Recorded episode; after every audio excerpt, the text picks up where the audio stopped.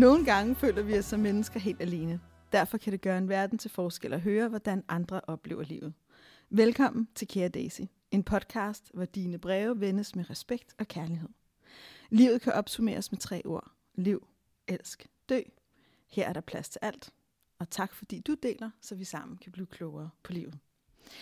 I dag der skal vi tale om at træffe store, skældsættende beslutninger. Og vi skal helt konkret også tale om skilsmisse og tiden efter. Der er nemlig en læser, som øh, spørger sig selv, var min skilsmisse den rigtige beslutning? Det vil vi gerne blive klogere på i den her episode. Jeg er sammen med min øh, producer, Pernille Elers Hansen. Tak fordi, at du er med og gør det her muligt. og så sidder jeg et super dejligt sted, nemlig Sofias hus, sammen med Sofia Manning, som jeg jo i virkeligheden har kendt i en del år, fordi hun var min lærer, og var den, der ligesom trak mig igennem den her rejse om at gå fra gerne at ville noget med mennesker til at få det her helt fantastiske redskab, som coaching er, som jeg stadigvæk har på min ryggrad. Og jeg har siden lært dig at kende Sofia, fordi vi har taget den samme efteruddannelse, og det har været en fantastisk berigende oplevelse.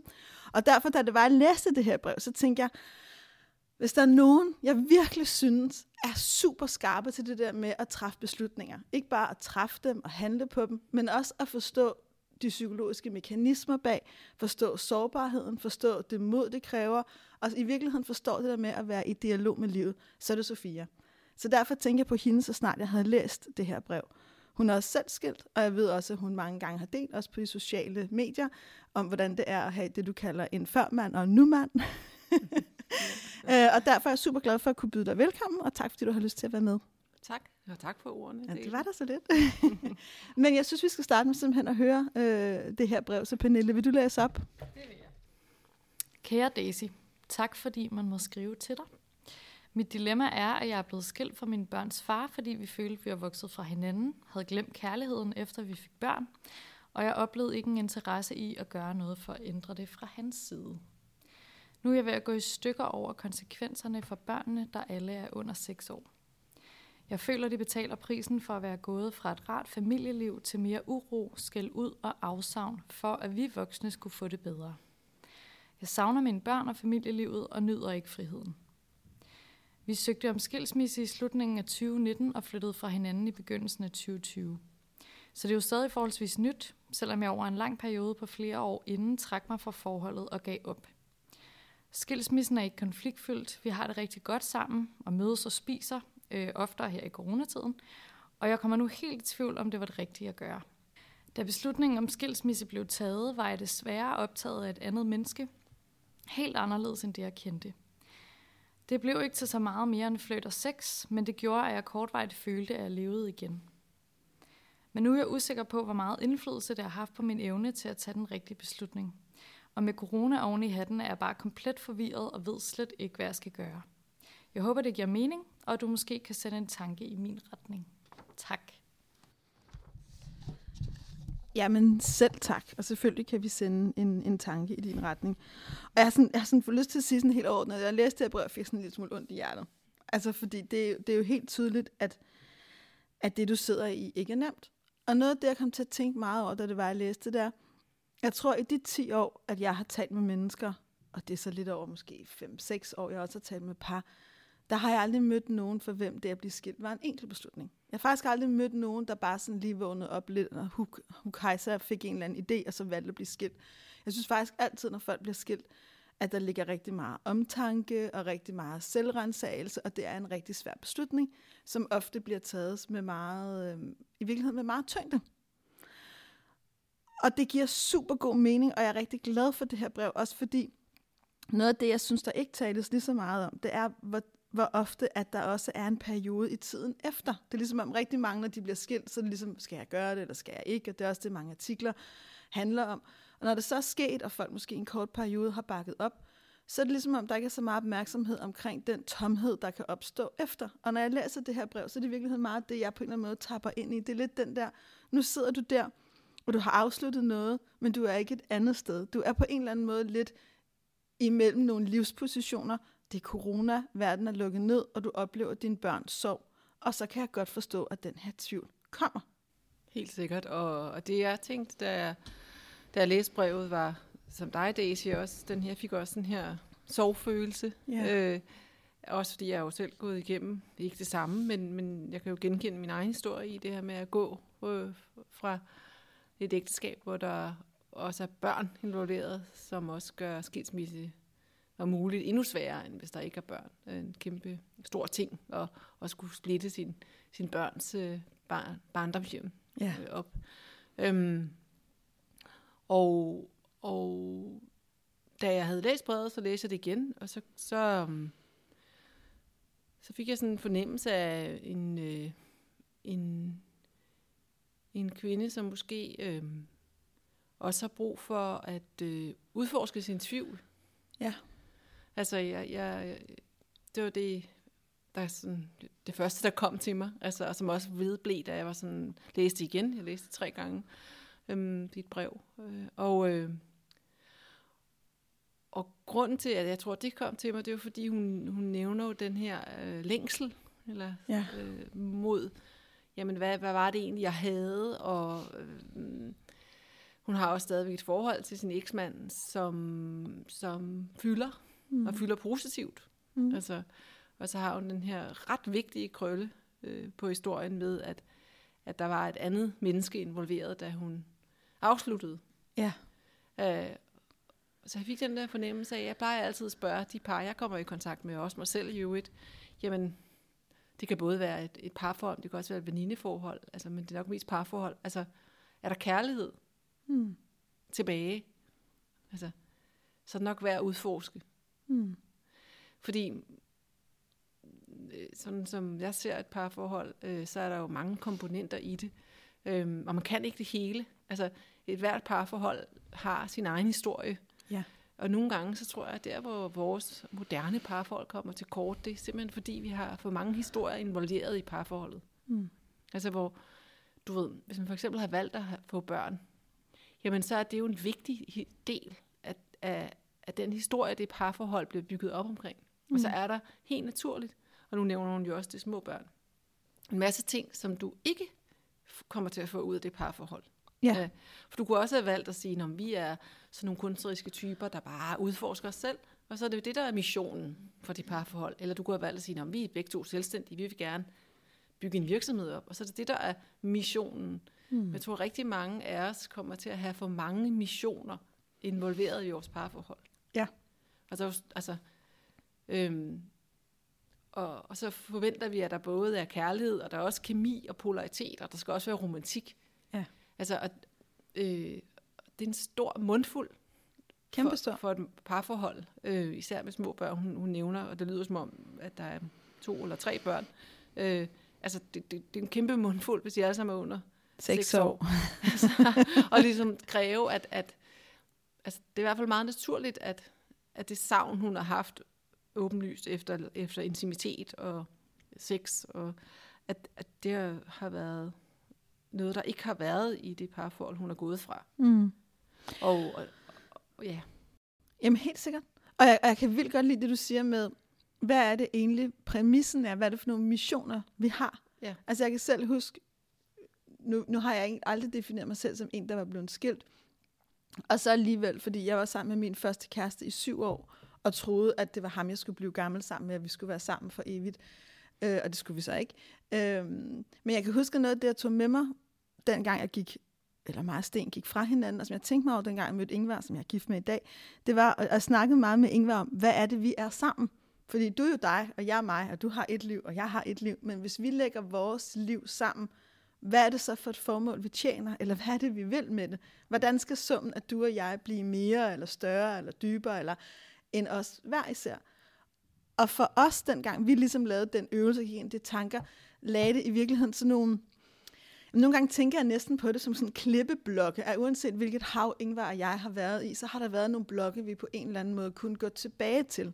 Og da vi selv sad og var småbørneforældre og havde fået tre børn på under fire år, ikke? Altså det var, det var rimelig intenst. der kan jeg huske, at noget af det, vi ligesom kiggede hinanden i øjnene på et tidspunkt og talte om, det var, noget af det, der er vigtigt for os, det er at have et sanseligt liv, et seksuelt liv, et intimt liv, for det er noget, vi begge to har haft savnet, hvordan får vi egentlig skabt det midt i det her børnefamilieliv, som er fyldt med kærlighed, men virkelig ikke særlig fordrende for det intime, sanselige, seksuelle, frie, udfoldelses, eksperimenterende liv. Vel? Altså, det er jo nærmest som om livet med småbørn er den fuldstændig modsatte. Og der kan man sige, det kræver jo, at man kan gå ind i den samtale sammen. Det kræver, at man kan finde nogle kreative løsninger, man kan mm, udvikle sig, man kan gøre nogle ting anderledes. Man, jeg oplever, at folk kan enormt meget, når de er på samme side. Og noget af det, jeg netop læste, også lidt ligesom dig, Sofia, da jeg læste her, det var, her er der et par, der har fundet hinanden, som har valgt at lave en familie, og som i virkeligheden måske også har været lidt ubevidste om præcis det, vi taler om. Hvad er det egentlig, de gerne vil? Og da det så er noget, begynder at forsvinde, og hun oplever et savn, så ved de ikke, hvordan de skal transformere det savn til mm. det, de egentlig ønsker. Og der kan de måske ikke finde hinanden. Og jeg vil sige, den problemstilling er måske den, jeg har fået allerflest breve om i de år, jeg har haft mm. Kære Daisy. Og jeg har fået den i forskellige formuleringer fra, jeg elsker ham, men begærer en anden til, vi er blevet venner, eller alt er romantik er ødelagt i familielivet APS. Altså, der er mm. enormt mange ord, der ja. bliver sat på det her sted, men, vi for, men det her sted er bare så klassisk. Jeg tror, at det er fordi, vi glemmer os også i opdragelsen, hvis, hvis det hedder det mere. Ja, den har vi jo droppet efter fire. Men med vores børn, altså, at vi, vi glemmer måske også, og, og, og, altså, det er heller ikke noget, vi bliver talt så meget med om som, som unge mennesker, at sige, jamen, Altså intimitet er jo noget, vi skal lære. Altså, ja. og, og sex er noget, vi skal lære, øh, ligesom alt muligt andet. Og vi har jo lagt meget stor vægt på kommunikation i vores samfund, og på lighed mellem kønnene. Og det har selvfølgelig været enormt øh, væsentligt, men vi har måske glemt det vigtigste. Altså vi har måske glemt, at, at, at med ligheden, der forsvinder også noget, noget, noget, noget naturlighed i, hvad der forventes af en mand og en kvinde. Og man kan sige, så det som vores farmor og farfar og så videre, bedsteforældre ja. måske havde som sådan, altså det er der i nogle gange, det var bare sådan, det var. Altså, at, at der, intimitet var en del af jobbet, om man så må sige, ja. at være i et parforhold. At, at efter hele den her frigørelse, som selvfølgelig har været nødvendig, der har vi glemt, altså at okay, der, det at være et parforhold, det er også nu, altså om man så må sige, opgaver, der skal løses. Altså, mm. Og en af dem er intimitet. Og det vil sige, det var i hvert fald en af de ting, jeg selv lærte efter min første og forhåbentlig sidste skilsmisse. øhm, at, var, at det var gået fuldstændig min næse forbi. Altså, jeg havde en opfattelse af, at, at jeg skulle være tiltrukket til min mand, og han skulle finde mig tiltrækkende. Altså, øh, ja. Og det ville bare komme naturligt. Præcis. Og når der så kom en, en, en lille pige og en karriere, og to karriere, og det så ikke var der, jamen, så stod jeg jo og tænkte, så, må, så, så er han nok ikke den rigtige mand. Ja. Altså lidt ligesom, ligesom kvinden her måske. Ja. Når det er så sagt, så får jeg også lyst til at sige til, til dig, der har skrevet brevet, at det er jo også vigtigt, at du nu, når du hører mig Daisy tale, ikke føler en masse skam og mm. skyld. Altså og siger, ej okay, men jeg skulle så bare prøve noget mere. Og, altså, øhm, og hvis jeg bare havde taget mig lidt sammen, så kunne det måske have, løs, have, have gået på en anden måde. Altså det er jo mm. fordi, nu ved jeg, at du spurgte tidligere, eller du, du sagde, at podcasten her handlede om valg. Øh, og en af de ting, jeg har erfaret med valg, som, som er, er det, som jeg synes er allermest sandt omkring valg, mm. det er, at vi tager et valg, fordi vi tager et valg. Mm. Altså, og du kan ikke, altså det som du kan lide, du kan lide tegmad, fordi du kan lide tegmad. Mm. Altså du, du, du kan ikke begynde at, du, har, du kan lide din veninde, fordi du kan lide din veninde. Ja. Altså lige så snart du begynder at putte ord på, og forklaringer, og jamen jeg er gået for ham, fordi at vi er blevet venner. Ja, måske. Ja. Måske er du også gået for ham, fordi at, øh, der er et andet menneske i din fremtid, der venter på dig. Øh, mm. øh, måske er du også gået for ham, fordi at du er i en dyb indre proces med dig selv, som slet ikke har noget med din mand at gøre. Ja. Eller eksmand. Altså, så det er bare vigtigt at sige, at der er ikke rigtigt og forkert valg, mm. når det handler om skilsmisse.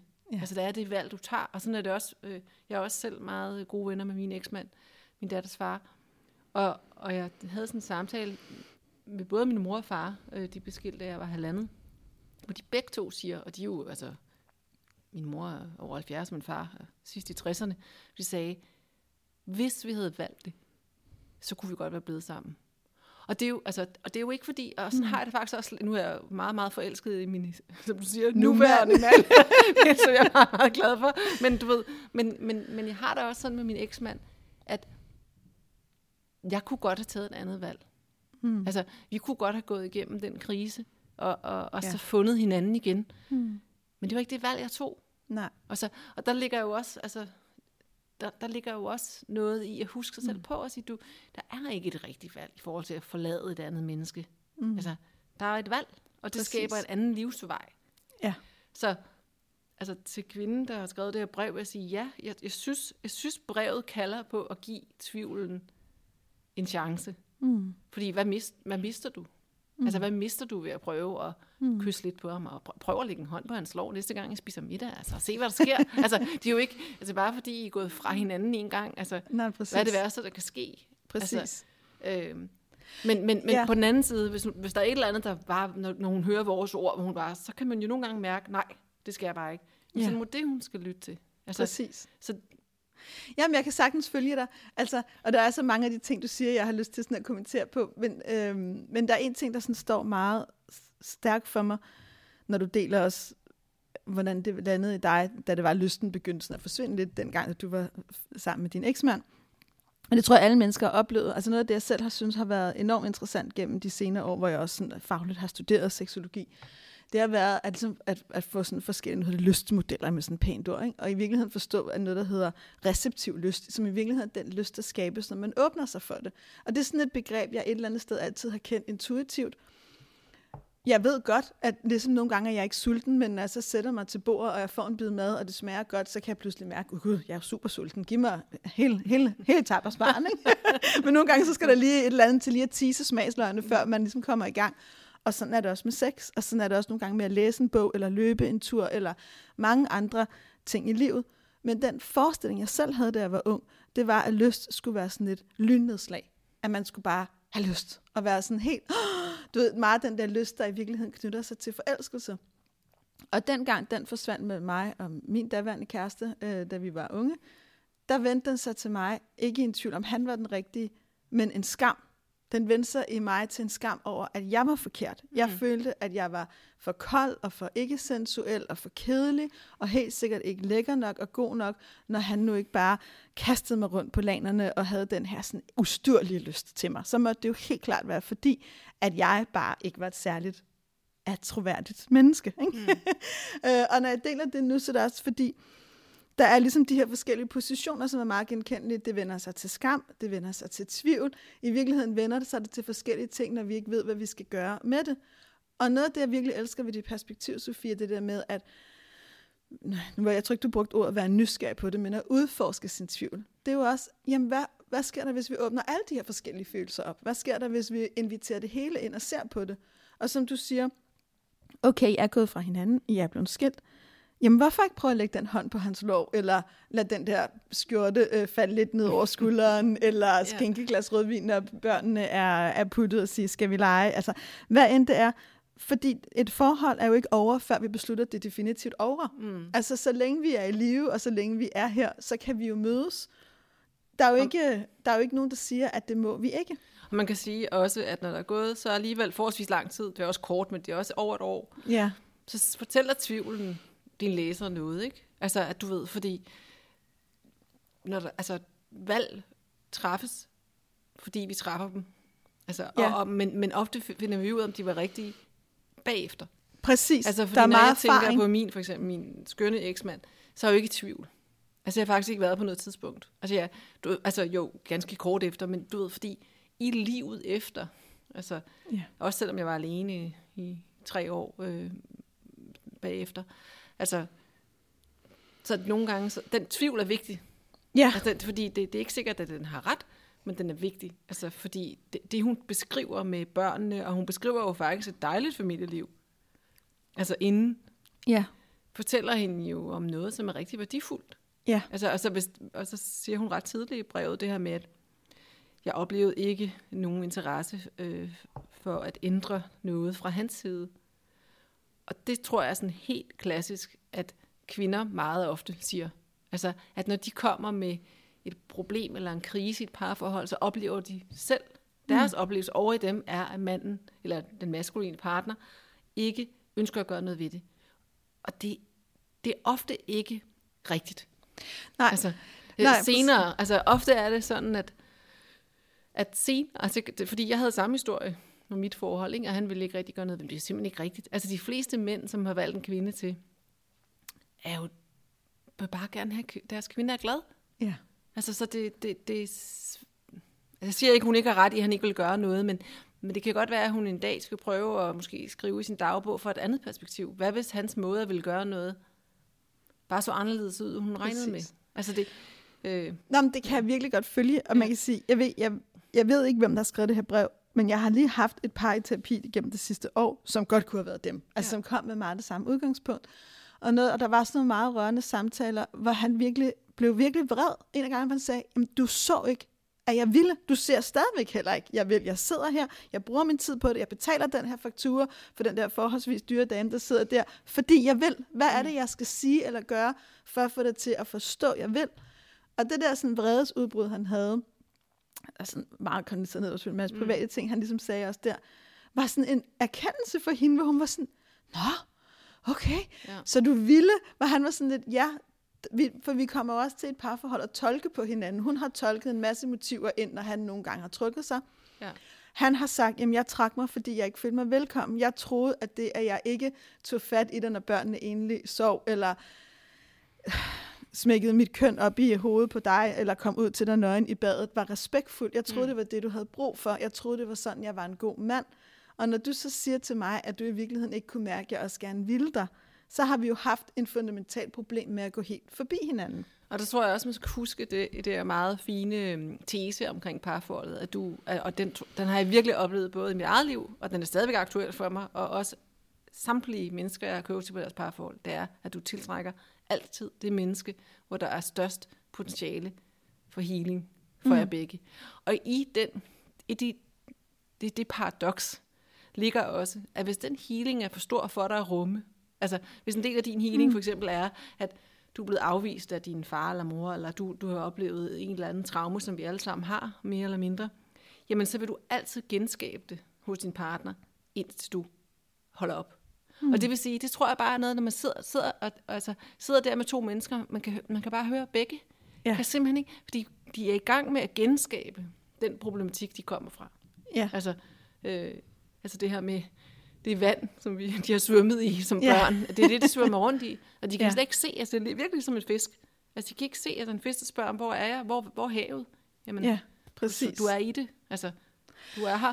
Og det tror jeg bare er, er vigtigt at huske på, fordi man står der, det kan i virkelig føles efter sådan en skænderi, og hun siger det jo også selv, altså det vil være en interessant øvelse for, for dine læser her, at sige, okay, men mm, altså hvad er det der? Altså ofte når vi siger, at min partner, du keder mig, eller du ikke, Mm. hvad det nu er, altså, altså venten lidt og spørge, om, er det mig, der ikke er det? Altså, mm. Keder jeg mig? Mm. Altså, er jeg ikke passioneret? Er jeg, Ja. Altså, hvad er det, der gør, at jeg genskaber? Hvad er det for nogle dele af mig selv? Ja. Altså, præcis. Altså, jeg oplever nogle gange, at, at det, der sker i parforholdet, er, at vi alle sammen på forskellige måder kommer til måske at give slip på noget af os selv for at være i den konstellation. Og mange gange, når vi bliver fascineret af andre mennesker, noget af det, jeg tænker mig over i alle de historier, jeg har hørt om, om utroskab, eller sex med andre, eller flirt med andre, som jo også lidt er inde over her, at hun som skriver, jeg blev optaget af en anden. Der er der i den optagethed også tit en kontakt med noget i en selv ah, pludselig møder man det her andet menneske, og så kommer man i kontakt med sin egen lyst, sin egen frihed, sin egen vildskab, entreprenørskab, drømme, hvad end det er, der mm. ligger inde i en, ikke? som det her menneske forløser. Men noget, og noget af det, jeg har oplevet i mange samtaler omkring de her ting, det er, at der er enormt meget skyld. Når jeg læser det her brev, en af de ting, jeg også tænkte over, det var, det er ligesom om, at det var forkert. Hun sådan skriver, øh, kort vej følger jeg levet igen. Jeg er usikker på, hvor meget indflydelse det har haft på min evne til at tage den rigtige beslutning. Som om, at hvad der sker i vores liv, der er nogle ting, vi godt må tage med ind i regnestykket, og der er nogle ting, vi ikke må tage ind. Du ved, mm. lidt ligesom om, at det, er ikke, det er ikke helt okay at tage en forelskelse eller fascination af en flyt af en anden ind i overvejelsen om, hvorvidt man skal blive skilt eller ej. Det har jeg oplevet enormt mange sige til mig. Og nogle gange det perspektiv, jeg så giver, det er, ja, eller også er det enormt centralt, for det var jo det, der skete. Ja. Det var det, du oplevede, det var det, du følte. Og det skulle også et eller andet. Om ikke andet, så er det sådan, livet er. Og nogle gange er der også en øvelse i at se, jamen sådan er livet. Det var der, jeg stod. Jeg blev fascineret af en anden. Det fik mig til at træffe den her beslutning om skilsmisse. Og nu er jeg her. Og der er måske også, ud over det, så er der jo også noget interessant at sige og spørge sig selv. Altså, det, som jeg blev tiltrukket i hos den anden, kan vide, om det også er i min partner. Mm. Altså fordi der er jo også tit sådan en forstening, der sker mellem Ja. to par, eller mellem et par, mellem to partnere. Det er, at vi ikke ser hinanden. Så det der med, at okay, altså så møder, så møder vi vores eks med en ny kæreste tre år senere, og så ser vi, gud, Gud, er han egentlig spændende. gud, hvor- gud, jamen, gud kunne de, de kunne da egentlig godt have det der sammen. Ja, Så måske er det ikke sandt, at din partner ikke er, og så fylde selv ind. Måske er det mere sandt, at, at et eller andet gør, at I ikke kan væk det i hinanden. Fordi Præcis. som, som udgangspunkt har vi jo alle perspektiver til vores rådighed. ja, Så hvis du er faldet for en, en fræk fyr i festlig øh, øh, kollega, jamen så kan det jo være, at, at, altså, at de kvaliteter også kan fremelskes hos sin partner.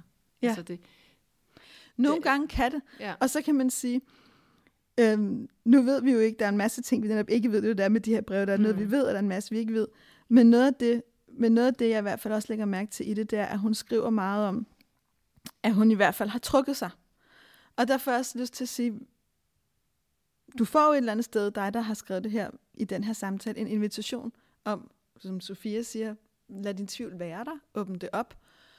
Og ja, vi har også lyst til, at høre også meget det, du siger, Sofia, at give dig det perspektiv med, at det er også okay at være der, hvor du er. At det var den beslutning, du tog, og nogle gange er der heller ikke en, det her var rigtigt, det her var forkert. Nogle gange, eksist- nogle gange er livet lidt, Nietzsche skrev om at være hinsides godt og ondt. Altså, mm. det her er måske også hinsides rigtigt og forkert. Det her, det er der, hvor du er i dit liv nu.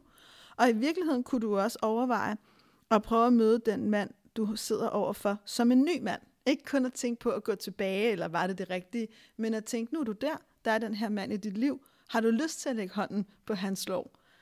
Har du lyst til at gengælde det, hvis han så lægger hånden på din? Altså i virkeligheden også bare møde ham fra der, hvor du er, og se, hvad der så sker. Og så også den der naturlighed i, som alle måske kan huske, eller som jeg selv husker mig selv på jævnligt, at alle monogame parforhold mister interessen for hinanden i perioder.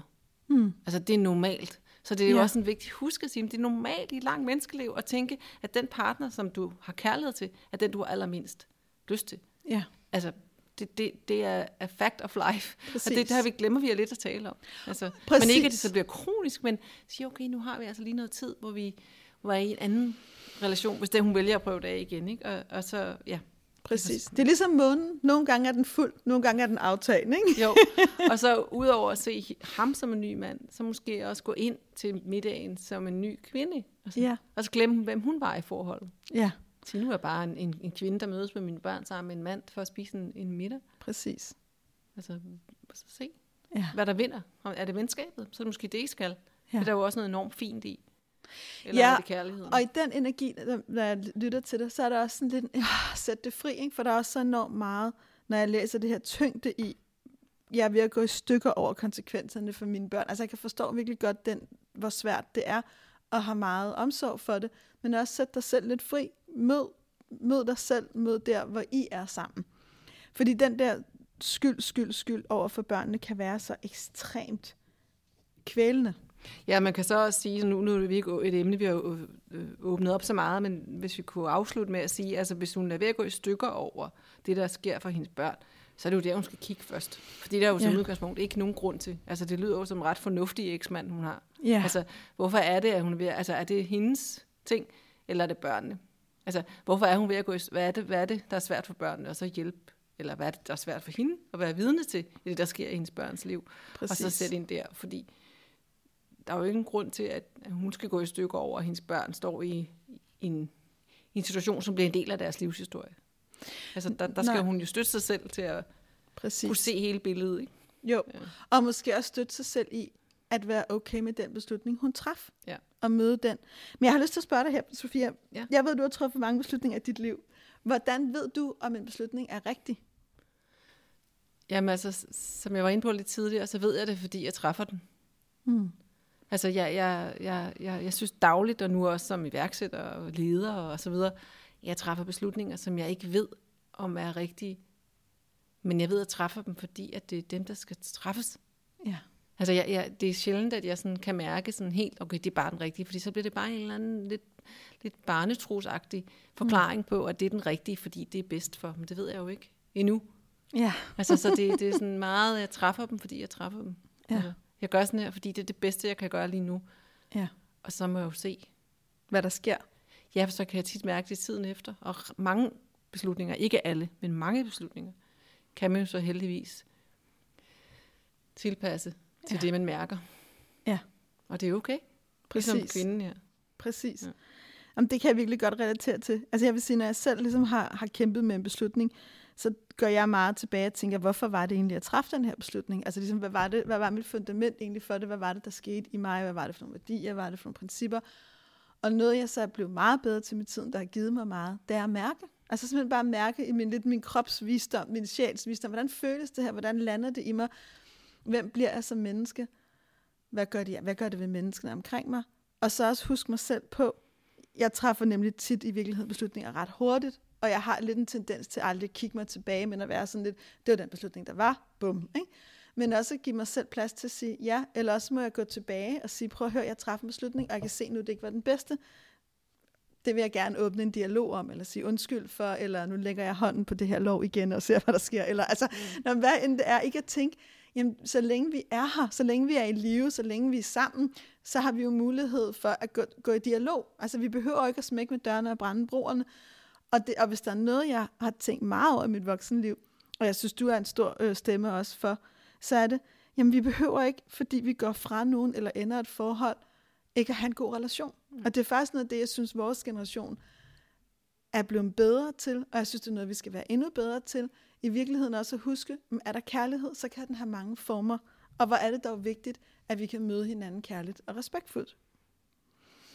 Øhm, så tænker jeg til dig, der måske lytter med her, også og kæmper med nogle store beslutninger, og er det rigtigt eller forkert? Har vi sådan et par sådan super korte råd, vi kan give, hvis man lige nu kæmper med, er min beslutning rigtig eller forkert?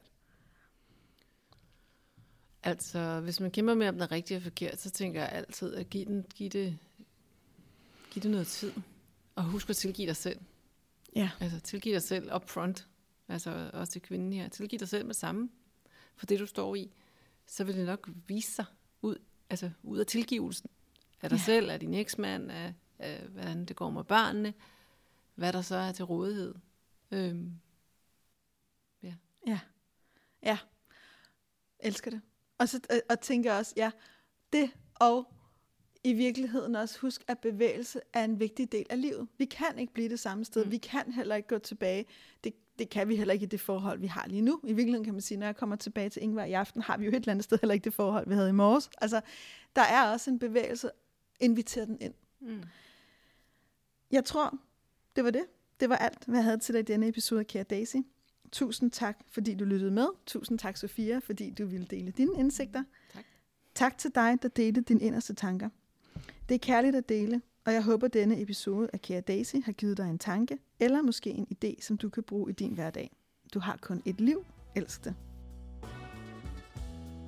Du lyttede til Kære Daisy, en podcast, der vender nogle af livets dilemmaer og får dig til at føle dig mindre alene.